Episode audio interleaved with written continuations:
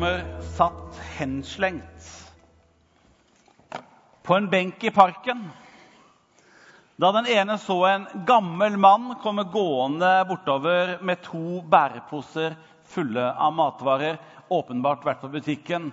Da hvisker den ene til den andre, 'Følg med, følg med nå.' Og Så ser de den gamle mannen komme gående bort, og det de nærmer seg, så roper den ene 'Attention!' Og brått så slipper den gamle mannen posene sine, så maten fyker utover hele. Han retter seg så godt han kan med den krumme ryggen og står i rett. Så går det et lite øyeblikk, så ser du mannen begynne å tenke og kikke seg rundt. Nå ser han maten ligger over hele. Han bøyer seg ned og begynner å plukke det sammen. Han ser to unge gutter som holdt på å le seg i hjel på en benk. Denne gamle mannen hadde gjennom mange tiår og i flere krigssituasjoner tjent i det engelske militæret.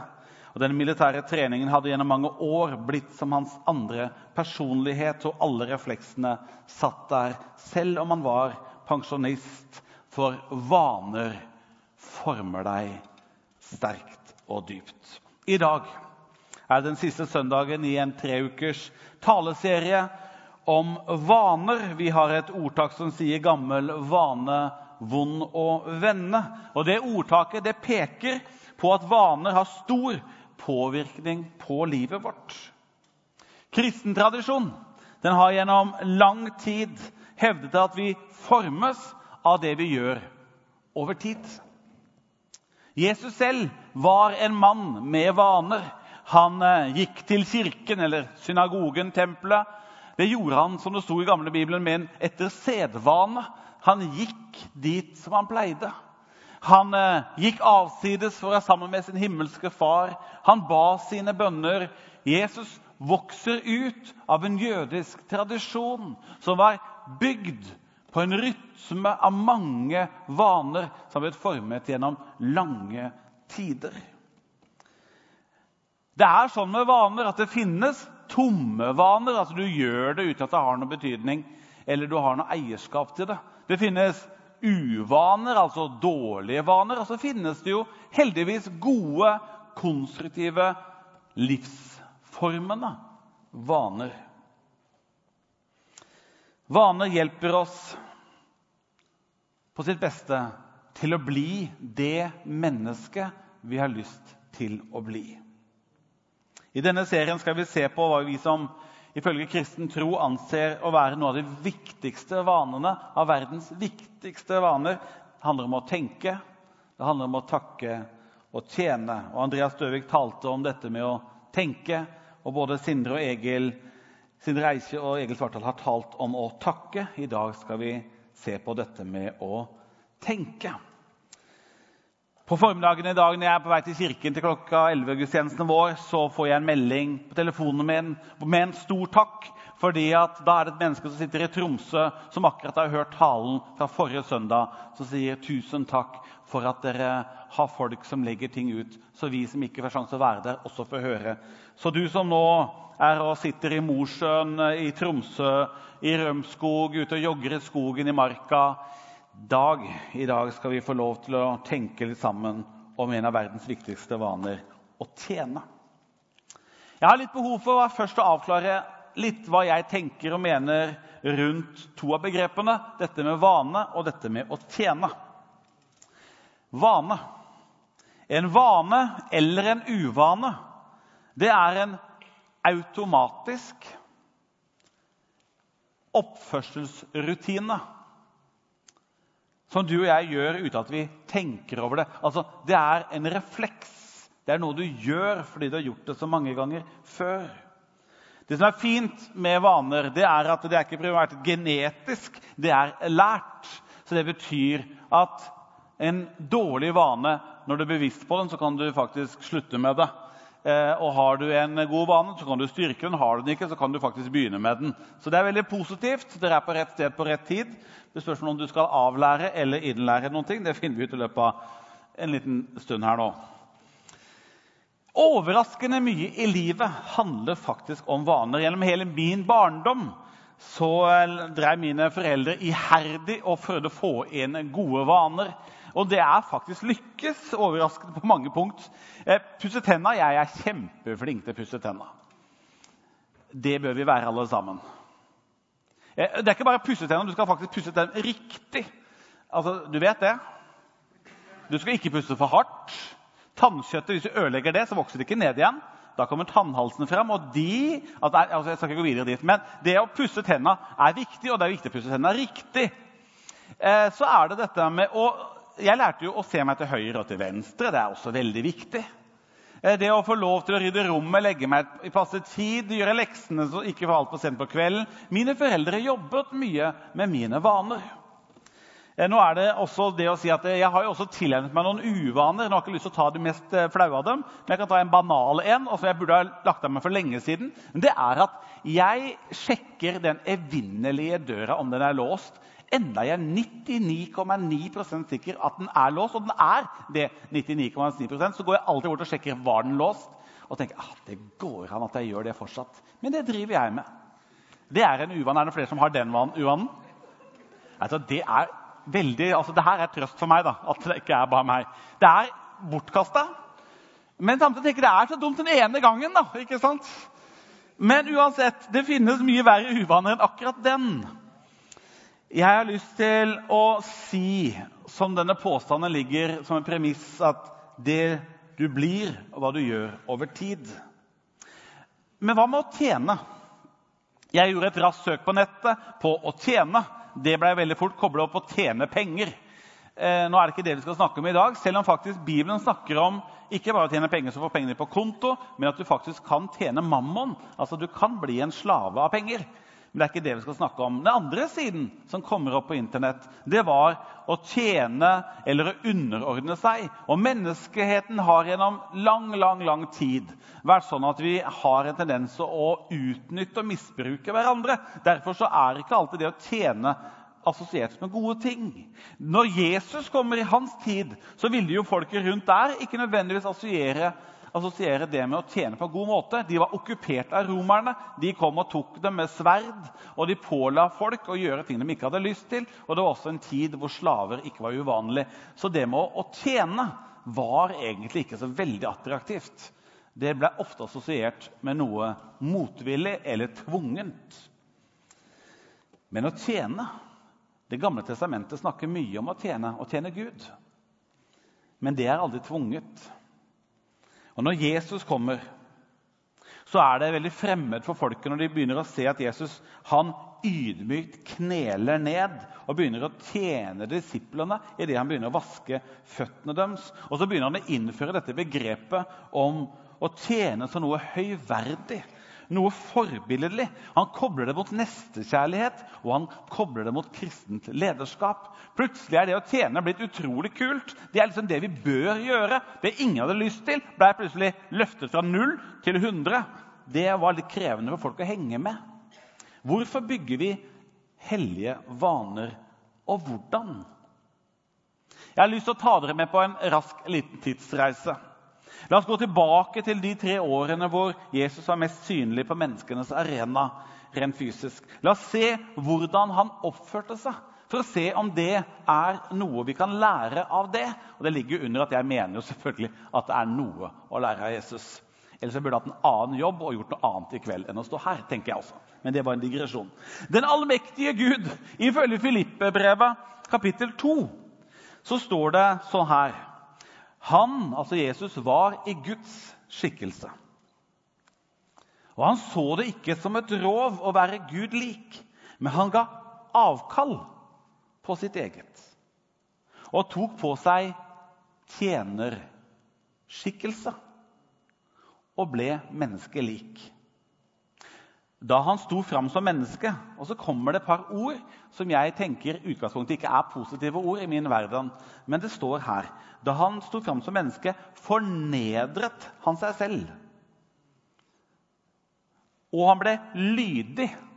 Og lydig er heller ikke i min verden liksom det, liksom det, mest sånn positive er ikke det som skaper liksom. For når jeg hører lydig, da hører jeg den Nå må du bli lydig! Liksom jeg hører den ikke sånn, Bli lydig, da, gutten min! Det er ikke, du hører at det ligger en sånn tone under.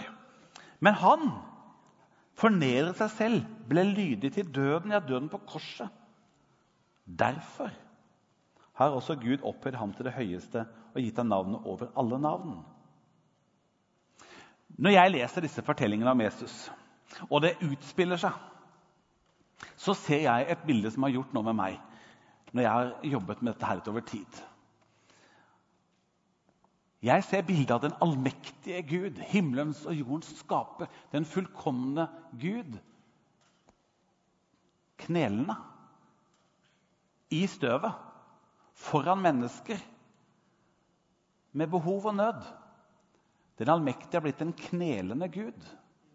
Det gjør noe med meg. Og så lurer jeg på, hvis, hvis Gud har blitt en knelende Gud, burde jeg være en knelende kristen? Burde Kirken være en knelende kirke? Det ble jeg undrende på. Og nå har vi det begrepet og tanken om å tjene som bakteppet vårt i dag. Følg meg på tidsreisa. Ser du han? Den knelende Gud der han ydmyker seg og vasker føttene til disiplene. De møkkete føttene. Ser du han? Forstår du hvorfor han gjør det? Fordi Kanskje. Fordi han vil dette modellere det som gjennom årtusener etter skal kjennetegne den kristne kirken. En av dens aller viktigste vaner å tjene en verden med behov for nåde. En verden med behov for tilgivelse. En verden med behov for kjærlighet. Ikke fordi den fortjener det pga. handlingene, men på tross av handlingene sine. Jeg går undrende og tenker Tenk hvis vi hørte om begrepet kirke for første gang. Vi har aldri hørt om det, vet ikke helt hva det er. Og så leser vi om Jesus. Og så skal vi begynne å finne, Det vi har hørt om Jesus, og så hører vi kirke. Og så skal vi finne kirken. Jeg vet at vi hadde oppsøkt disse fine, flotte byggene med spisse takk. Men jeg skulle ønske at vi heller hadde tenkt skal jeg finne kirken og ligne på Jesus. Da må jeg finne folk som har nød. For der, der vil kirken måtte være. Der hvor det er noen som har det vanskelig, der finner jeg kirken. Tenk hvor flott det hadde vært. For det var sånn Jesus var. Å tjene det ligger ikke bare koblet mot nød. Jeg har lyst til å løfte tjene mot og det, hvordan vi lever hele livet vårt. Det er en måte å være på, en måte å leve på. Men hør, den handler også om å gå inn og berøre mennesker i nød. Ser du han? Og ser du deg selv på kne foran din kollega, din nabo? Han eller hun som irriterer eller sårer deg mest, ser du deg selv på kne, ydmykt. Fordi det er nettopp slik kristen kjærlighet viser seg i hverdagen. Ser du han, den knelende Gud? På kne får han den skyldige. Og han møter henne med nåde. På kne får han den lamme og møter han med Guds kraft og godhet.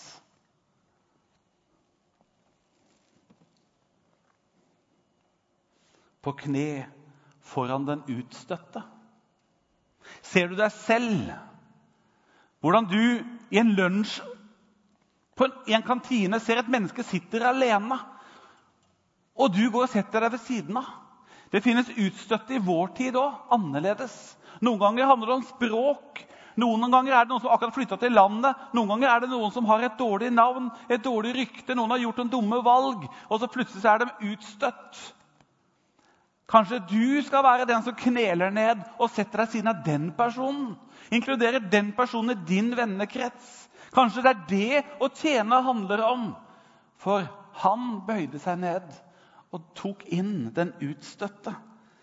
Kanskje du skal invitere noen hjem som aldri blir invitert hjem.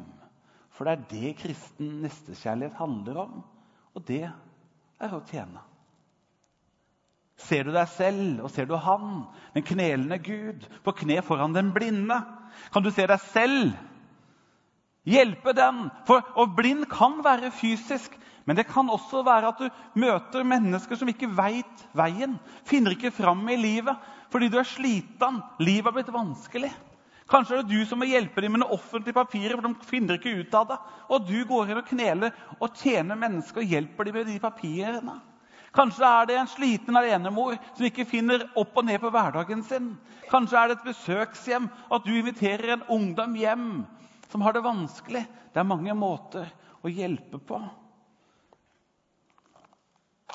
Det var når moren til CBDU-sønnene Jakob og Johannes det var når hun kom til Jesus og leverte inn en klar søknad om at gutta hennes skulle få lov til å bli de beste og de største på høyre og venstre side av Jesus. Det er da han svarer, 'Den som vil bli stor blant dere, han skal være tjeneren deres.' 'Og den som vil være først blant dere, skal være slaven deres.' Slik er heller ikke menneskesønnen, altså Jesus, kommet for å la seg tjene men for selv tjene og gi sitt liv som løsepenger for mange. Jeg tenkte jeg leste Det Det er akkurat som Jesus nærmest lager en form for gradering. Hvis du ønsker å være stor, ja, da må du være tjener. Og hvis du ønsker å være den fremste av alle, så må du være en slave. Altså, Høyere opp, jo lenger ned. Hva er dette for noe? Det er dette som ble så vanskelig for dem å forstå. Fordi jødene de var i desperat lengsel og behov for å få Messias Guds løfte, kongen, krigeren, denne mektige, rasende løven av Juda, han som var den krigeren som skulle komme, han venta de på. Men så fikk de en blødende og knust fyr på et kors. Det var ikke det de hadde bedt om. De så for seg en opphøyd og mektig konge som nektet å bøye seg for keiseren i Rom. Så fikk de en knelende tømmermann som vaska beina deres ved bordet. Det er ikke rart det ble vanskelig. Men det er her den kristne revolusjonen kommer. Det er her han snur hele greia på hodet. Det er jo sånn at Vi selv, vi som er kristne, vi som tror på Jesus, vi gjør det best, vi satser på å bli raskest når vi er i sport og vinner mest mulig mål. Det er vi som har de beste resultatene på skolen. Vi ønsker å gjøre så pene som mulig. Vi ønsker alltid oppover og framover. Og det er sikkert noe galt i det. Men det er allikevel noen ting i dette som også handler om nedover. Å være liten, å være ydmyk. All verdens standarder blir snudd på hodet. Jesus legger liksom et nytt, totalt nytt verdigrunnlag for det kristne fellesskapet, og så kaller han det å tjene. Det var en gang funnet en gammel romersk mynt. På den mynten var det bilde av en okse også Foran oksen var det to alternativer. Det var et alter, altså å dø, og så var det en plog, altså det å tjene. Og så sto det en innskrift på den mynten, klar for begge deler. Og Jeg ble sittende og undre meg litt på det. Så tenkte jeg hvis vi Er jeg klar? Altså det med å gi et kort liv for noe som er større enn meg selv, altså alteret eller et langt liv hvor jeg velger å tjene noe som er større enn meg selv, altså plogen, er jeg villig til å legge meg under eller gi meg selv for noe som er større? Er jeg klar for begge? Er klar for én av delene? Jeg er litt usikker. Jesus ba oss ikke om å gjøre noe han ikke var villig til å gjøre selv. Han modellerte det. Å tjene er selve hederstegnet det er faktisk selve troverdighetsmerket for Jesu etterfølgere for Kirken.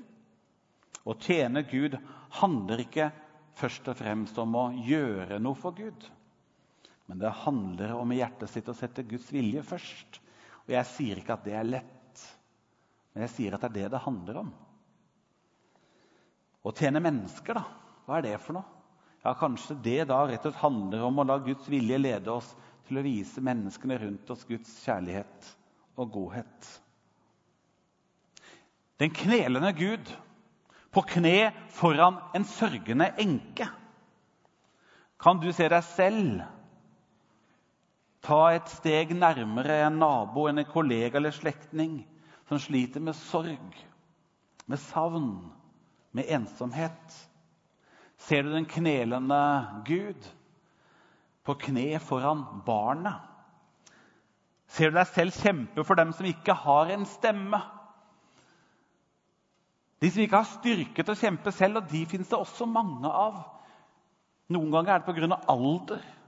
Noen ganger handler det om mentale begrensninger.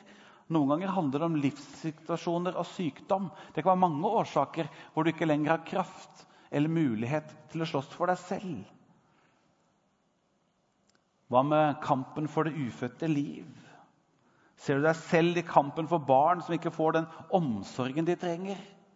Hva med å være et fosterhjem, da? Vær så konkret? Eller gi et menneske som du ser sliter, en plass rundt bordet ditt? Jeg sier ikke at jeg gjør alt dette, men jeg sier at det å være en Jesu etterfølger er så praktisk som dette. Og det å tjene er så praktisk som dette. Og Hvis jeg skal finne min måte å gjøre noe av dette på, så trenger jeg begynne å innarbeide noen tjenevaner i livet mitt. Så jeg har sett det inn det blir reflekser.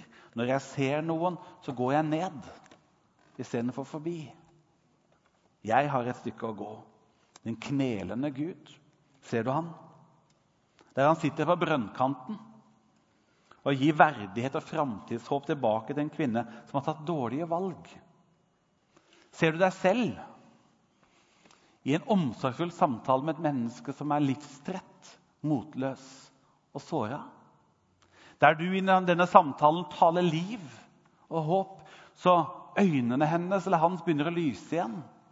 Når du klarer å løfte blikket og se framover. Klarer du å se deg selv som denne som tar og sier vet du hva, du skal ikke gå alene, jeg blir med deg på reisa. Jeg setter av tid til det framover. Jeg prioriterer deg framover. Jeg ber for deg, og jeg kommer innom i morgen. Du kan komme til meg i morgen. Det er der jeg utfordres på tiden min. Jeg har lyst til å se mennesker som får nytt håp, nytt mot, fordi de møtte meg på livsveien. For sånn har Jesus gjort med mitt liv. Den knelende Gud. Ser du han? Den knelende Gud som kalte seg selv for den gode hyrde. Ved en anledning, Jeg siterer det mange ganger, for jeg synes det er fantastisk. og jeg har lært mye av det. Moder Teresa ble en gang spurt hvordan lærer man å elske de fattige. Og Hun ser på vedkommende som spør, og sier det gjør du ved å elske dem. Han som spurte, tenkte hun har ikke svart på spørsmålet. Men det er akkurat det hun har gjort. For vi gjør elske til følelser. Hun gjorde det til et valg. Jeg har sagt det til meg selv og gått i prosesser på meg over tid. Jeg har begynt å si det utover også, At jeg er oppriktig redd for at vi gir følelser for mye vekt. Vi gir dem altfor mye makt knytta til viktige valg i livet. Og jeg er klar over risikoen. Ved å si det så høres det ut som jeg sier at følelser ikke er viktig eller ikke skal lyttes til, eller at de ikke skal tas på alvor. Og det er ikke det jeg sier, for følelser er viktig. Men jeg sier at følelser er det mest skiftende og variable i hele livet mitt. Jeg tenker at Hvis følelser skal få være skipper på livsskuta mi, da må jeg forberede meg på en totalt uforutsigbar og skiftende reise gjennom livet. Gode vaner går dypere enn følelser de er kobla seg på valg, og valg som er kobla seg på verdier. Det går dypere enn det. Hva mente moder Teresa? Jeg tror hun mente at veien til å erfare dyp av kjærlighet ligger i å velge å gjøre kjærlighet, og ikke nødvendigvis vente til at jeg føler at jeg skal handle.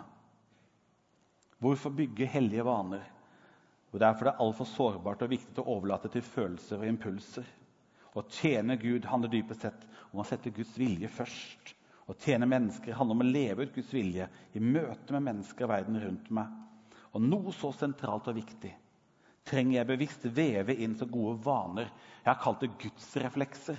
Sånn som Gud handler. Jeg skulle ønske jeg handla som Gud. Noe som blir naturlig å gjøre. Sunne vaner vokser ut fra bevisste verdier jeg bygger livet mitt på. Jeg tror det er viktig at ikke eh, vanene henger i lufta. De må få lov til å være kobla på det som er viktig. Når jeg var liten Mine foreldre jobba en god bolk av min barndom i rusomsorgen. Og bodde, jeg bodde i stor del av min barnetid jeg gikk på barneskolen, så bodde vi på en gård oppe i Ringsaker i Hedmark.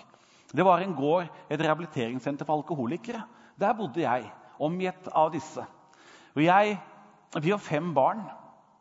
I familien vår. Og vi hadde ikke mye penger. Mamma var fantastisk på å gå på salg. Hun fikk utrolig mye ut av pengene. Og jeg var ofte med når jeg var liten og handlet, for jeg skulle bære poser. Jeg husker jo ved spesielt to anledninger. De andre søsknene mine gir nye eksempler, andre eksempler. Men jeg husker to eksempler. Vi kommer ned. Hun har jo, når vi har gått gjennom butikken, så har hun handlet, og hun har regnet, så hun vet akkurat hva det kommer på omtrent. Og så husker jeg en gang vi kom til bilen. Hun sto og så på kvitteringen. Og sier hun, oi sann, sier hun. Tenkte, Oi, det er noe gærent. Vi går tilbake igjen, og så går vi til kassa. Og Der står det kø, men hun går bort til kassa og sier unnskyld. sier hun. Jeg fikk igjen 50 øre for mye. Og sier jeg, unnskyld, er ikke et unnskyld, tenkte jeg. Og 50 øre Jeg var jo flau. Det her, jeg var liksom, kunne du spart deg for 50 betyr jo ingenting. Men når jeg er blitt voksen, så tenker jeg oi, hun kompromisset aldri på ærlighet. Det var en verdi i livet hennes, og hun bygde inn en vane. Hun nektet å bøye seg for 50 øre. For noen år siden flyttet jeg til Oslo. Jeg, det var vår. Jeg skulle gjøre ting ute i hagen. for jeg hadde fått streng beskjed av kona. Og jeg hadde vært på plantasjen. Jeg hadde kjøpt masse ting. Jeg hadde noen handlekur. Det var fullt oppå og fullt under. Jeg kommer til kassa, og så sier hun dama du behøver ikke å løfte alt oppe. Jeg skanner det herfra. Og hun skannet, og jeg betalte og gikk til bilen og tenkte det her ble utrolig billig. Og så begynner jeg å legge inn i bilen, og så skjønner jeg hvorfor det ble så utrolig billig. For under der ligger det dyreste tingen. Den hadde ikke hun sett. Den kosta 700 kroner. Og jeg kunne tenkt oi, jeg sparte 700 kroner. Den kan jeg bruke på et eller annet. Men nei da. 50 øre har jeg lært av mora mi. Det gjør du. du kompromisser ikke på 50 øre. Og da er 700 kroner er jo langt utafor. Så jeg går tilbake igjen til butikken inn på plantasjen, motstrøms mot køen, mot kassa, og sier unnskyld. Det er jo ikke min skyld, men jeg hadde lært av mora mi å si unnskyld. Så jeg unnskyld, men jeg har dessverre betalt 700 kroner for lite. Hun var helt i sjokk. Det var hele køen bortover også. Jeg betaler 700 kroner. Man kan tenke at nå var jeg 700 kroner fattigere. Nei, jeg var minst 700 kroner rikere fordi jeg hadde nektet å kompromisse med livet mitt. Det handler om å bygge gode vaner. Og det må vi gjøre på dette området, og vi må gjøre det også på å tjene. For å tjene er viktig, for den som velsigner, blir velsignet. Og skal vi Og Jesus sier ved en anledning 'Dere er verdens lys', sier han. Hvorfor sa han det? Jo, det var for han visste at folk kommer til å oppleve at livet blir mørkt. Og når du kommer inn, så er du et lys. Og Noen ganger er det utrolig lite som skal til. Et ord, et besøk, en telefon, en tekstmelding, en gave, whatever. Det skal ikke så mye til, men du kan bringe lys i det mørket. Du er verdens lys.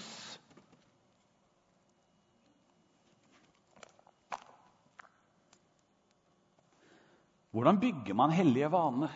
Jo, det er ved å gjøre en ting som du mener er veldig verdifullt som du mener det mennesket har lyst til å bli. Og så må du finne praktiske tilnærminger som du gjør igjen og igjen. Og til slutt så gjør du det av refleks.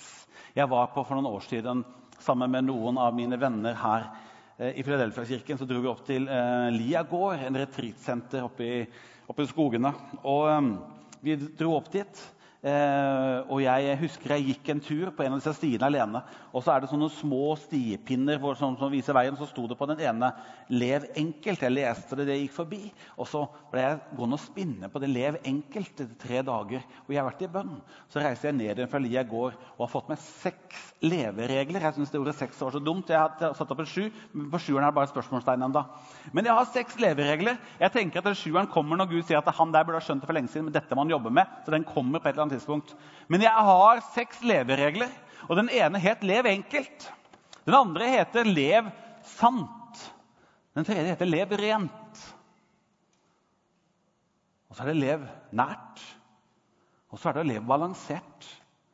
Og så er det å leve disiplinert. Og nå skal det sies at Jeg jobber med det. Jeg er ikke i land, jeg er ikke i nærheten av leve balansert og disiplinert på helse. Enda det er kona mi kjempegærent meg på.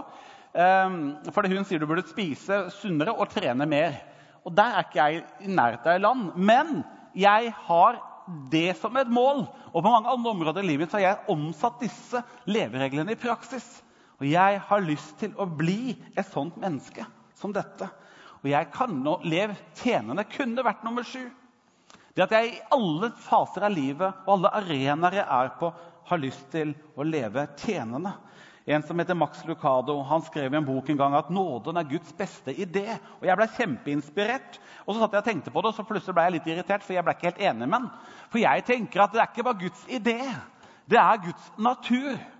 Når Gud bøyer seg ned og vasker føttene våre, han bøyer seg ned og hjelper den lamme, så gjør han ikke det med en baktanke. Jeg har vært på butikken, og så kommer eh, en selgeren til meg og sier du er en utrolig flott fyr. og de skryter av meg, og jeg tenker at oi, liker han meg? Nei, han gjør ikke det, han skal ha pengene mine. Han har en agenda. Selgeren taler sånn fordi han har lyst til å ha noe av meg. Når Gud bøyer seg ned til mennesket, så gjør han ikke det for han vil ha noe. Han gjør det fordi det er hans natur. Når vi som er foreldre, har sett at barnet vårt for skal lære å sykle eller gå, og den detter, da styrter vi ned for å hjelpe til. Og vi gjør ikke det for vi håper at når barnet da er 40 år, så løfter det meg når jeg detter. Altså, det er ikke derfor jeg gjør det. Jeg gjør det fordi det er helt naturlig, for jeg elsker barnet mitt. Det er naturen. Det er refleksen min.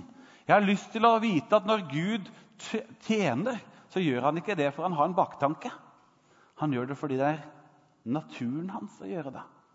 Jeg har lyst til at det skal bli min natur. At jeg gjør det fordi det er det jeg er.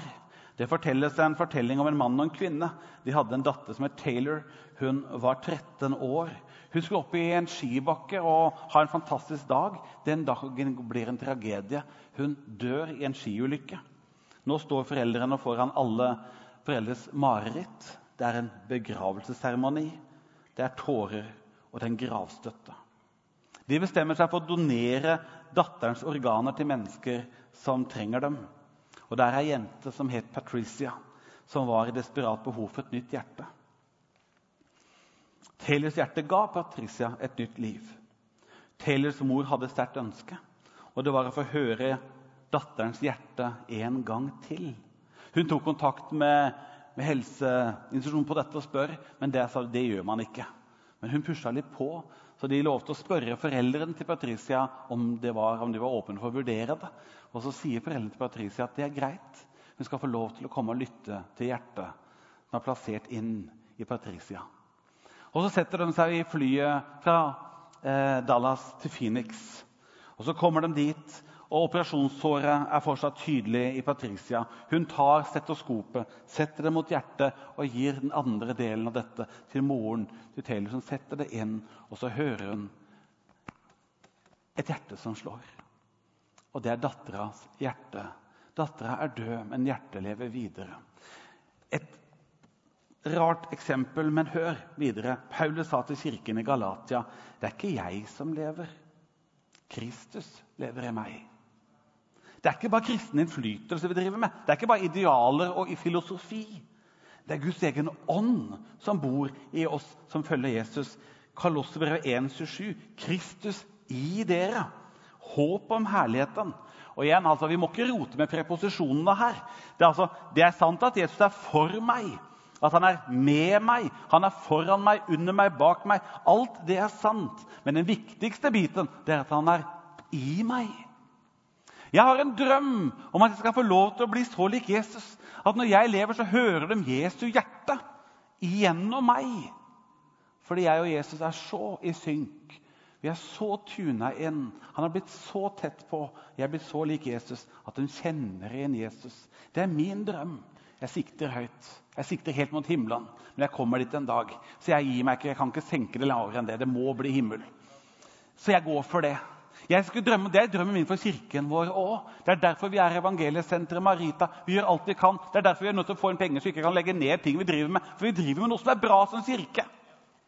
Og Jeg har drøm om at vi skal gjøre Oslo varmere. Ikke fordi vi ønsker at folk skal bli, komme til å bli medlemmer her. Vi kommer ikke hit med en skjult agenda. Vi kommer hit fordi det er vår natur å hjelpe de som trenger hjelp.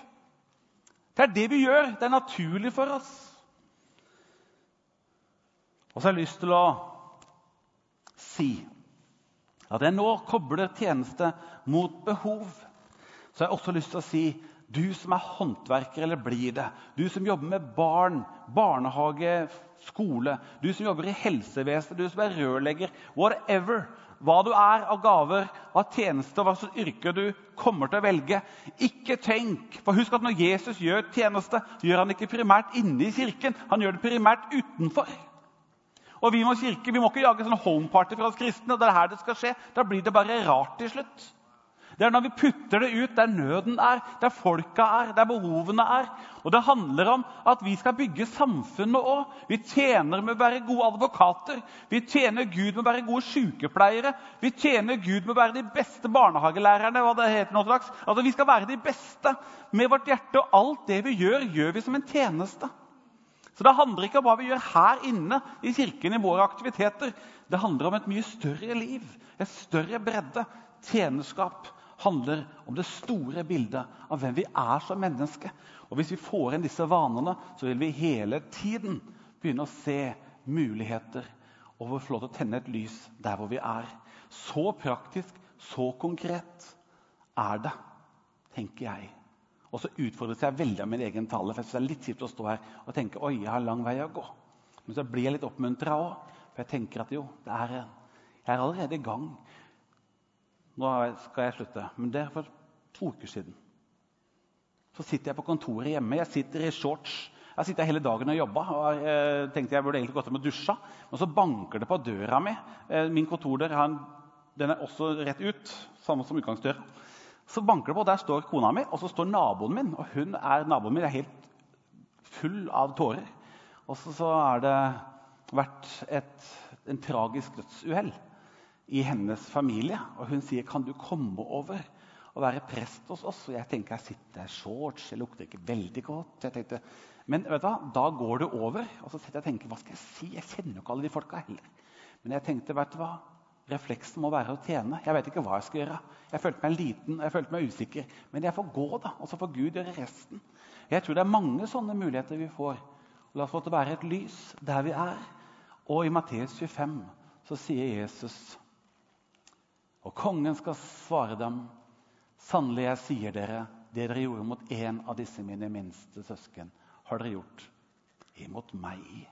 Han elsket meg først, og jeg har lyst til å elske ham tilbake. Og det gjør jeg med å tjene verden. Himmelske Far, du er god og har vært god mot meg. Hjelp meg til å bli mer lik deg. Ikke som en byrde, for du har gjort alt ferdig. Og jeg er sikkert mange av oss også bærer tungt allerede. Ja, gi oss styrke og kraft og glede, så vi kan få lov til å gjøre denne tjenesten med iver. I Jesu navn.